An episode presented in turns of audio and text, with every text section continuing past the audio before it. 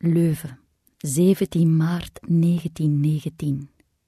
Lieve Hedwige, eerbiedwaardige gravin van mijn dromen. Je herinnert me vast niet meer. De laatste keer dat ik je zag, zat je op de rand van mijn bed in een van de kamers van je kasteel, die je als ziekenboeg had ingericht. Het was 1916. Je nam mijn hand en kneep er zachtjes in, om te kijken of ik wakker was. Je aanraking trok me weg uit mijn droomwereld.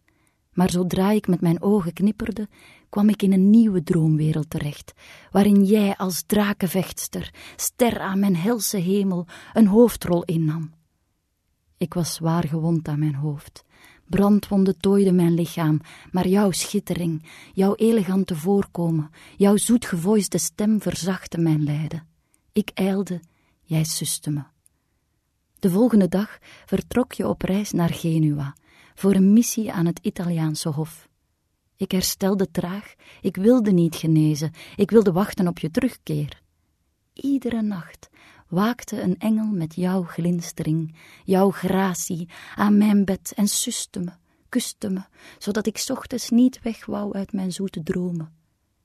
Ik ben nooit gestopt met dromen. Ik verlang niets van je. Ik weet dat je een gehuwde en eerbare vrouw bent, met een onnavolgbare trouw en klasse, geliefd over heel Europa. Wel wil ik je laten weten dat ik voor altijd eeuwig de jouwe ben en niet zal weifelen je te volgen als je op een dag de weg naar mijn hart zoekt.